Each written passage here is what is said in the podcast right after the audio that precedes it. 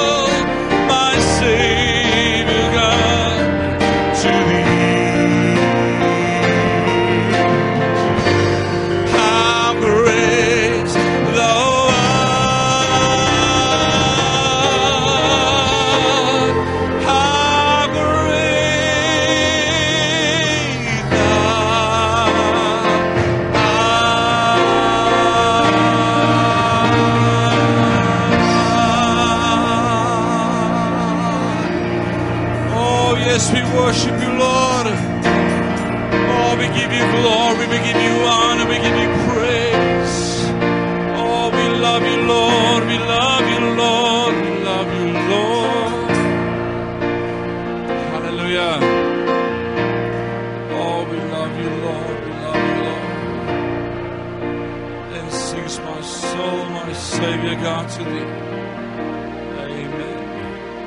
Vader, ons aanbid U vanmôre vir U liefde en die teenwoordigheid dat U met ons is en in ons is en by ons is. Vanmôre om te weet dat U nie ver is nie, Here, maar dat U hier is. Om te hoor ons loflied wat opgaan tot eer van U naam. Ons gebed vanmôre is word verheerlik deur elkeen van ons. Jesus naam en Sion sê amen en amen. Goeiemôre Sion. Vanoggend het ons 'n spesiale spreker al die pad uit Bloemfontein uit. Pastoor Theo Teron. Hallo vriende, dit is vir my lekker om so 'n bietjie saam met jou daar in jou sitkamer te mag kuier vandag. Iemand het eendag spottenderwys gesê dat navorsing bewys het dat die mees sensitiewe senuwee in die hele menslike senuweestelsel is daai senuwee wat jou brein verbind aan jou beursie. En dis nou net 'n spottery, maar het jy agtergekom dat wanneer die kerk oor geld begin praat, almal baie senuweeagtig raak. Nou jy kan ontspan. Ek is nie van jou gemeente nie, so ek gaan niks baat vind uit hierdie boodskap uit nie, maar ek glo as jy jou hart oopmaak, dat jy daarby gaan baat vind. Kom ons bid net eers saam. Vader, dankie dat ons na u woord kan kyk vanaand en ek wil hê dat u woord die praatwerk moet doen, maar Heilige Gees, ek het nodig dat u harte oopmaak, dat hierdie woord op vrugbare grond val en dat mense sal verstaan wat u woord oor die onderwerp sê. Ons dankie daarvoor in Jesus se naam. Amen. Ek wil vandag met jou praat oor toetse. En uh kan jy onthou uh toe jy op skool was as jy nou enigsins soos ek was, ek besef daar's onder julle wat na my kyk en luister mense wat baie pligsgetrou was. Ek was in 'n tegniese hoërskool en uh, sport was my lewe gewees. Ek het eerste span rugby en cricket gespeel en dis waaroor my lewe gegaan het. En by meer as een geleentheid het ek by die skool aangekom en uh, daai eerste periode dan sien ek ander kinders sit met boeke en dan vra ek wat doen julle? Dan sê hulle die toets en dan sê toets, wat se toets? Ek weet nie van die toets nie. En ek het nie mooi gefokus nie. En nou wanneer dit by die onderwerp vir vandag kom, dan is dit so dat dit voel vir my baie keer baie Christene weet nie daar's 'n toets nie. Hulle is so half oningelig oor die toets, maar daar's 'n toets. En hierdie toets kom in jou finansies. Die toets kom by God gee vir ons almal. Hy gee vir ons almal. Dis nou geld en is tyd en is gawes en is talente. En die vraag is vir wie gaan jy dankie sê daarvoor? Vir wie gaan jy die eer gee daarvoor? Wie gaan jy aanbid daarmee? Uh en en ek kan nou enige van die goed gekies het vanaand, die gawes en die talente en die tyd en die vermoëns, maar ek wil fokus op die geld. Wie gaan jy eer met jou geld? Wie gaan jy aanbid met jou geld? Is dit net vir Visa? Want ek moet elke maand die paaiement betaal op my op my uh, skuld wat ek gemaak het. Is dit dalk stokperdjies, is dit dalk sport, is dit net jouself? Maar let wel, nie een van hierdie ander goed het die vermoë om jou te seën nie. Visa het nie. Jou stokperdjies het nie. Maar God het. En uh, as ons nou vanaand oor hierdie toets praat, dan uh, gaan ek nou die mees voor die hand liggende skrif gebruik. Maar daar's so baie ander en in die volgende praatjie gaan ons ook baie op ander van die skrif fokus, maar kom ons begin by Malagi 3 wat die meeste in 'n kort stukkie vir ons oor die onderwerp sê. Maar ons lees baie keer net by vers 10. Ek wil hê ons moet so 'n bietjie terug begin. Kom ons lees vanaf vers 6. Die skrif sê die volgende: Ek is die Here. Ek verander nie. Kan ek net vir 'n oomblik daar stil staan? Voordat ons enigsins verder lees, is dit belangrik dat jy hierdie verstaan. Wie is aan die woord? Wie's die een wat die opdragte gee? Wie's die een wat die vrae vra? Hy sê ek is die Here. Ek verander nie. Die Here wat hemel en aarde geskaap het, die een wat gespreek het en deur 'n woord te spreek kom haar lewe tot stand, dis hy wat praat.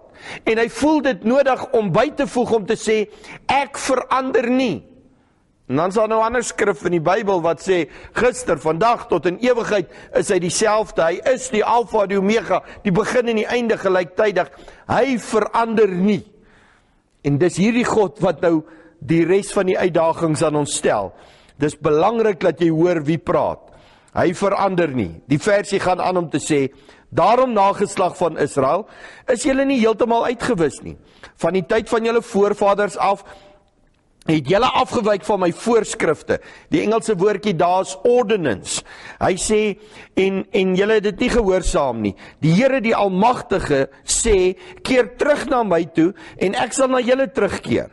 Maar julle vra, hoe moet ons terugkeer? Hoe moet ons terugkeer na hierdie voorskrifte, hierdie ordinance? Nou, uh die die vertalende woordeboek sê ordinance beteken principles of ordinary behavior. Met ander woorde, die goed wat ons weet wat God wil hê ons moet doen. Hoe gaan ons terugkeer na dit toe? Nou gaan hy aan om te sê, sal mense God ooit besteel? En en die ooglopende antwoord wil ons eintlik sê nee. Ons sal nie so dom wees om by God te steel nie. Tog het julle my bedrieg. Julle vra, "Wat bedoel u? Wanneer het ons u ooit bedrieg?" Julle het die tiendes en die offerandes gesteel. En daar is 'n vloek op julle, want julle hele volk besteel my. Hy sê, "Julle is onder 'n vloek omdat julle wegbeweeg van my algemene voorskrifte." Julle doen nie meer die basiese goed nie. Daarom is daar 'n vloek op julle. Dade het konsekwensies, dit weet ons. En hierdie is nou nie 'n prediker se woorde nie. Dis hierdie die Here wat nie verander nie se woorde. Hy sê julle beweeg weg van wat ek vir julle gesê het om te doen. Dis hoekom die wêreld lyk soos hy lyk. Dis hoekom jou huwelik lyk soos hy lyk. Dis hoekom jou finansies lyk soos hy lyk. Dis hoekom jy altyd onder druk voel, want jy doen nie die basiese goed nie. Nou hierdie belofte waaraan ons almal vashou. Ons sê almal ons glo dit, maar ons doen dit nie noodwendig nie. Vers 10. Die Here, die Almagtige sê: Bring al die tiendes na die stoorkamers, sodat daar genoeg kos in my tempel kan wees. Toets my hierin of ek nie vir julle die vensters van die hemel sal oopmaak. Ek sal julle voorspoedig op julle laat reën en meer as genoeg vir julle sal wees. Die Here die Almagtige sê, ek sal sorg dat insekte julle oes nie verwoes nie en julle wingerde op die landerye nie misluk nie. Mens voel ehm um, maar hulle hoef nie meer noodwendig tiende te gee nie. Baie mense in ons tyd sê dis 'n Ou Testament beginsel. Uh ander ouens voel dit was deel van die wet gewees. En baie keer as ek hierdie goed gehoor het, dan het ek gewonder, hm, hoekom het die Here hierdie Malagi 3 vers 10 daar gesit? Kon hy nie net 'n paar versies gewak het? Laat dit in die Nuwe Testament geland het in Matteus nie. Nou was daar dalk baie minder gestry daaroor. Nou ek gaan vandag net vinnig so 'n bietjie hier induik en hopelik snap jy wat hierdie basiese voorskrifte van die Here is. Kom ons praat oor drie basiese Bybelse feite oor tiende. Die eerste een is dit om tiende terug te gee. En ek kies my woorde baie spesifiek. Om tiende terug te gee is altyd 'n toets. En dan vra ou nou partykeer hierdie vraag: Hoekom argumenteer mense so oor hierdie eenvoudige beginsel. Hoekom is dit vir die kerk so 'n issue deur die jare? Hoekom is dit so 'n verskriklike moeilike ding? Kan ons weer 'n tree teruggee en dink aan wie's die God wat dit sê? Dis die God wat klaar gegee het. Hy het sy seun gegee vir jou en vir my. Hy het sy beste gegee. Jesus het sy sy lewe kom neerlê. En ons sukkel om 10% van ons inkomste te gee. Hy het sy alles gegee, sy beste gegee. Ons sukkel om terug te gee. Baie vra die vraag, hoekom 10de? Hoekom 10%? En miskien het jy nog nooit so daaraan gedink nie, maar dis eintlik 'n baie regverdige stelsel. Want of jy R10 verdien en jou R1 gee en of jy R100 verdien en jou R10 gee en of jy 'n miljoen rand verdien, 10de bly 10de. Dis 10% skuif jy komma een plek, dis regverdig. Proporsioneel gee almal met ander woorde dieselfde. Terloops, dit lyk vir my in die Bybel is die getal 10 nogal gekoppel aan toetse. Ehm um, dit verteenwoordig amper toetse in die Bybel. Dink byvoorbeeld aan die 10 plaae wat eintlik 10 toetse vir die farao was. Dink aan die 10 gebooie wat 10 toetse vir die volk was. Israel het volgens die boek Numeri het hulle deur 10 toetse in die wildernis gegaan. Uh Daniel is vir 10 dae getoets. Ehm um, as Jesus die storie van die maagde vertel wat getoets word, dan is daar 10 van hulle wat getoets word. Openbaring praat daarvan dat daar iewers 10 dae se beproewing gaan wees. 10de teruggee aan die Here is 'n toets. En hoekom ek die woorde kies om te sê teruggee aan die Here? Eintlik behoort alles mos aan hom. My hele bestaan behoort aan hom. 100% van my inkomste behoort aan hom. En jy kan nou sê man, ek het hard gewerk vir my geld. Ja, jy het hard gewerk, maar waar het jy die krag gekry? Waar het jy die wysheid gekry? Waar het jy die insig gekry? Wie het vir jou die vermoëns gegee? Jy kan maar eerlik wees. Alles behoort aan hom. So tiende Moenie woorde gebruik soos ek het my tiende betaal nie. Jy kan nie iets betaal met iets wat nie aan jou behoort nie. Jy kan nie iets gee wat nie aan jou hoort nie. God sê, hier is jou inkomste. Kom ek bederf jou. Kom ek gee vir jou werk. Kom ek gee vir jou 'n um, besigheid. Kom ek gee vir jou gawes en talente. Maar al wat ek wil hê is, jy kan 9 tiendes gebruik. Ek wil net 'n tiende terug hê. Ek verstaan nie die argument dat ons nie meer hoef tiende te gee in die Nuwe Testament nie. Want uh ander goed het bly staan. As ek nie in die Ou Testament mag moord gepleeg het nie, mag ek ook nie in die Nuwe Testament moord pleeg nie. Hoekom sal hierdie een ophou bestaan? Maar ons kom terug daarby. Hier is die tweede punt wat ek wil maak. Om diende terug te gee is 'n Bybelse beginsel. Uh ek sê nie vandag vir jou jy's sleg en jy gaan help as jy nie jou tiende gee nie. Ek sê net jy jy het nie gesnap wat dit is om die volheid van God se liefde te beleef as jy nog nie die beginsel toepas nie. Ek wil weer laat die skrif bietjie met jou praat. Genesis 14. Hy sê die volgende in vers 18. En Melchisedek, die koning van Salem, wat 'n priester van God die Allerhoogste was. Party teoloë reken Melchisedek was dalk 'n vorm waarin Jesus homself in die Ou Testament uitgedruk het. Hy het brood en wyn gebring en hom geseën en gesê: "Geseënd is Abraham deur God die Allerhoogste, die Skepper van die hemel en aarde, en geseënd is God die Allerhoogste wat die vyande in die hand gegee het." Toe gee hy hom 'n tiende van alles. Dis nou Abraham aan Melchisedek. En let wel, hierdie gebeurtenis is ongeveer 500 jaar voordat God vir Moses die wet by Sinaï gee. So so die beginsel van tiende, dis 'n beginsel, dis nie 'n wet nie. Dis nie deel van die Ou Testament wette nie wat wat uh, tot niet gegaan het of volbring is in Christus nie. Dis 'n beginsel. 500 jaar voor die wet gee mense al tiende. Kom ek lees nog 'n versie. Genesis 28:22. En hierdie klip wat ek as gedenksteen opgerig het, sal 'n huis van God wees en van alles wat U my gee, sal ek aan U sekerlik die tiendes afstaan. Weereens die beginsel van tiende lank voor die wet. Levitikus 27:30.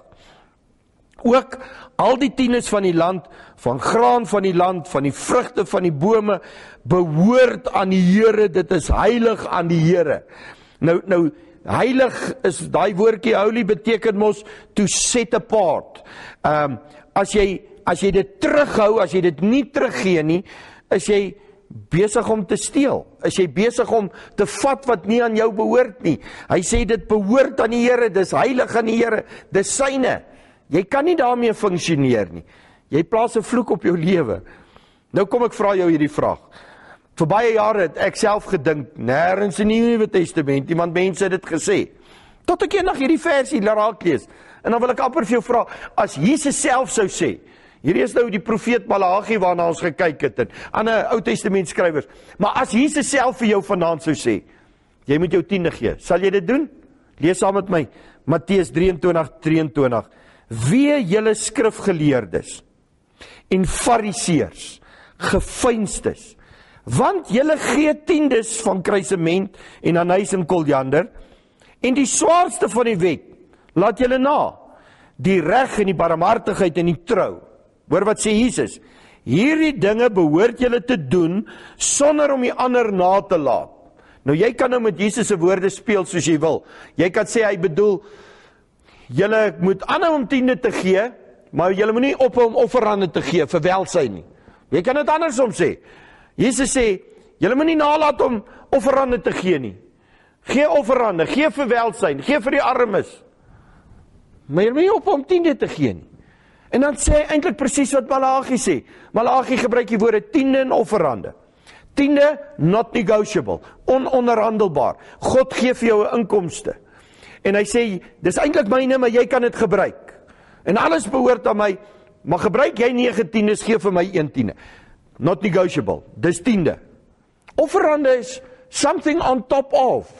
Dit kom uit my 9 tiendes uit bring ek nou 'n offer vir welsyn. So moenie as jy vir die welsyn gegee het, dink jy het jou tiende gegee nie. Moenie as jy vir die bure wat swaar kry, suiker gekoop het, dink jy het jou tiende gegee nie. Jy kan nie jou tiende vir dit gebruik nie. Jesus is dit, Bybel is dit baie duidelik. Jou tiende gaan na die skathuis, daar waar jy aanbid, sodat daar geestelike spys voortdurend kan wees, sodat die evangelie befonds kan word. Hier is die laaste punt wat ek wil maak. Tiende teruggee bring altyd 'n seën. Dit is eintlik 'n seën. Dis 'n 'n blessing. Jesus sê dis beter om te gee, dis lekkerder om te gee as om te ontvang. Ek wil weer 'n paar versies lees. 2 Kronieke 31 vers 4. Verskoon, hy sê en hy het die volk, die inwoners van Jerusalem bevel gegee om die aandeel van die priesters en die leviete te gee sodat hulle aan die wet van die Here al hulle krag kon wy. So daar's die beginsel van tiende weer. Hulle hulle moes gee en dit gaan oor geestelike spys. Nou kan ek jou hierdie dom vraag vra. Het jy al ooit in een restaurant gesit, lekker geëet en as die rekening kom sê baie dankie, dit was baie lekker. Ek gaan nou na die restaurant oor kan die straat stap en daar betaal. Maak mos nie sin nie. Ek gaan ek gaan kry nie takeaways by Steers en dan gaan betaal ek vir KFC daarvoor nie. Daar waar ek geestelik gevoed word, daar gee ek my tiende, want dis wat die Bybel vra. Dis hoe dit veronderstel is om te wees. En ons moet dit ook so doen. En praat nie hier omdat die kerk seer gaan kry as jy nie jou tiende gee nie. Die kerk gaan nie seer kry nie want God is die kerk se bron. God sorg vir die kerk. Maar as jy nie hierdie beginsel eerbiedig nie, gaan jy iewers seer kry. Jy gaan jy gaan agterkom ek het 'n fout gemaak. Kom ons lees 2 Kronieke verder. Vers 5. En toe die bevel versprei is, het die kinders van Israel baie eerstelinge van koring, mos en olie en heuning van die hele opbrengs wat die land gelewer het en tiendes van al die menigtes ingebring. En die kinders van Israel en Juda wat in die stede van Juda woonagtig was, het ehm um, ook die tiendes ingebring. En so gaan hulle aan, hulle bring hulle bring vir uh Jeskia en die goed kom net in, dit kom net in. En dan lees ek hier by vers 10 en die hoofpriester Asaria van die huis van Sadok het hom gespreek en gesê vandat hulle die offergawe na die huis van die Here begin bring het, eet ons tot versadiging en hou nog oorvloedig oor, want die Here het sy volk geseën omdat ons hierdie menigte oorgehou het. Nou nou, as ek dit vir jou kan verduidelik, wat hier gebeur is, die volk leer weer van vooraf die beginsel van ek word getoets, my gehoorsaamheid aan die Here sê ek vat wat ek het, 'n tiende daarvan en ek gee dit terug vir die Here. En nou is hierdie kerk se getuienis. Vandat die mense dit begin doen het, begin doen het, is hier oorvloed by die kerk. Ons kan alles doen. Ons kan sendingwerk ondersteun, ons kan evangelisasie uitreike doen, ons kan vir die armes sorg, ons kan alles doen wat ons moet doen. But you ain't seen nothing yet. Jy moet gaan kyk hoe lyk dit by die mense se huise. Daar's oorvloed by hulle huise. Vandat hulle begin gee, seën die Here oorvloediglik. Twee konstantes wat ek in die kerk gesien het oor my hele bestaan vandat ek my verstand het. Ek het maar in die AGS groot geword, so ek het die beginsel verstaan wat my ouers dit gedoen. Maar daar's twee konstantes ten opsigte van tiendes. Tiendegewers, mense wat die beginsel verstaan. Hulle vertel altyd vir jou hoe geseënd hulle is. Hulle vertel vir jou van die Here se voorsiening op alle gebiede, nie net finansiëel nie. Die ouens wat nie die beginsel verstaan nie. Dis ouens wat altyd probeer 'n loophole kry om dit nie te hoef te doen nie. Uh verskoning soek van maar ek het hier gegee en ek het daar gegee of om om die verskoning en dit so oud soos die berge te gebruik om te sê ek kan nie bekostig om tiende te gee nie. As 'n standaard 4 seentjie het ek begin 20 sent tiende gee op die R2 sakgeld wat ek verdien het. En as mense vandag vir my sê, ek kan nie bekostig om my tiende te gee nie, dan sê Theo, ek kan nie bekostig om nie my tiende te gee nie, want dan klop my budget nie. Maar terwyl ek die Here eer op wat hy gesê het en ek slaag die toets, dan sorg die Here. Ek wil afsluit met net 'n ander invalshoek op die hele ding. Veronderstel gou vir 'n oomblik. Ek moet vir 'n jaar lank weggaan en in 'n ander land gaan werk en my vrou Tersia kan nie saamgaan nie. En ek kies 3 van my beste pelle. En ek sê vir hulle, ek wil julle 'n guns vra. Ek gaan in elkeen van julle se rekening elke maand R10000 inbetaal. En al wat ek wil hê jy moet doen is, jy moet elke maand R1000 van hierdie vat en jy moet vir my vrou gaan groceries koop. Dis al. Jy kan R9000 hou, jy moet net 1000 aan my vrou spandeer. En dan op 'n stadium dan maak ek weer kontak van waar ook al ek is waar ek nou nie kon kontak hê nie. En dan hoor ek my eerste vriend het elke maand getrou 1000 rand van sy 10000 gevat en hy het vir my vrou krydeniersware gekoop. My tweede pel het dit selfs verder gevat. Hy het 2000 rand van hierdie 10000 rand gevat en hy het vir my vrou kos gekoop. Maar dan hoor ek my derde vriend het die eerste maand 400 rand gevat en toe R300 en dan hou hy op en dan koop hy weer R100. Weet jy wat sal gebeur? Ek sal nie net kwaad word vir hom nie. Ek gaan ophou om vir hom te gee. Kom vertel ek hierdie skynbare sinnelose storie. Jesus Christus het weggegaan met die woorde kyk ek gaan om vir julle 'n plek voor te berei en as ek gegaan het en ek kom terug dan kom haal ek my bruid en ek vat my bruid om na my toe te gaan En tiende, dink jy dalk is 'n baie onbenullige ding, maar vir God is dit 'n groot storie. Vir Jesus is dit 'n groot storie. Want dis die manier hoe hy vir sy bruid sorg. Dis hoe hy vir die kerk sorg. En hy bless jou as individu met 'n inkomste. Hy sorg vir jou. En hy sê, ek gee vir jou hierdie, vat net 'n stukkie daarvan en sorg vir my bruid. Laat my bruid in gereedheid kan kom vir wanneer ek my bruid gaan kom haal. En as jy nie hierdie toets slaag nie, is jy besig om jou verantwoordelikheid te versuim. Jy kom nie jou verantwoordelikheid na wat Jesus vir jou gegee het. Na vanaand kan jy nooit weer sê jy het nie geweet van hierdie toets nie. Jy weet van die toets. En wat sê die Heilige Gees vir jou hart rakende hierdie ding? Ek sê weer, ek vind geen baat by hierdie praatjie nie want jy's nie in my gemeente nie. So ek gaan niks baat vind naby nie.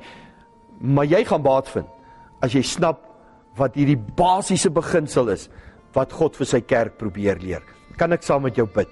Vader, ek bid dat deur die Heilige Gees U vanaand hierdie baie belangrike Bybelse beginsel vir harte kom oopbreek. Dat dit diep in harte ingang vind en dat mense self ondersoek sal doen en sommer net self weer Bybelstudie sal doen oor die onderwerp en sal verstaan wat dit is wat jy van elkeen van ons vra. Help vir ons om nie ons responsibilities af te skuif op ander nie. Om nie te dink omdat ander gee, hoef ek nie te gee nie. En daar is mos sakemanne in die gemeente, so ek as 'n een eenvoudige staatswerker hoef nie te gee nie of vice versa. Help vir ons om nooit te te assume dat ander gee genoeg en daarom hoef ek nie te gee nie. Help ons om te verstaan. Elkeen wat God se kind is, skryf hierdie toets. Elke keer wanneer ons op watter manier ook al 'n inkomste verdien, of dit 'n verjaarsdag geskenk is of dit 'n uh werkie is wat ek vir iemand gedoen het van die boeke af en of dit my maandelikse inkomste is, ek het 'n verantwoordelikheid om 'n tiende van my inkomste vir die kerk te gee vir die koninkryk van Jesus Christus te gee. Help vir ons om dit te snap en dankie vir die belofte wat daarop rus dat U U seën sal gebied oor elkeen wat dit doen. Ek bid dit alles in Jesus se kosbare naam. Amen.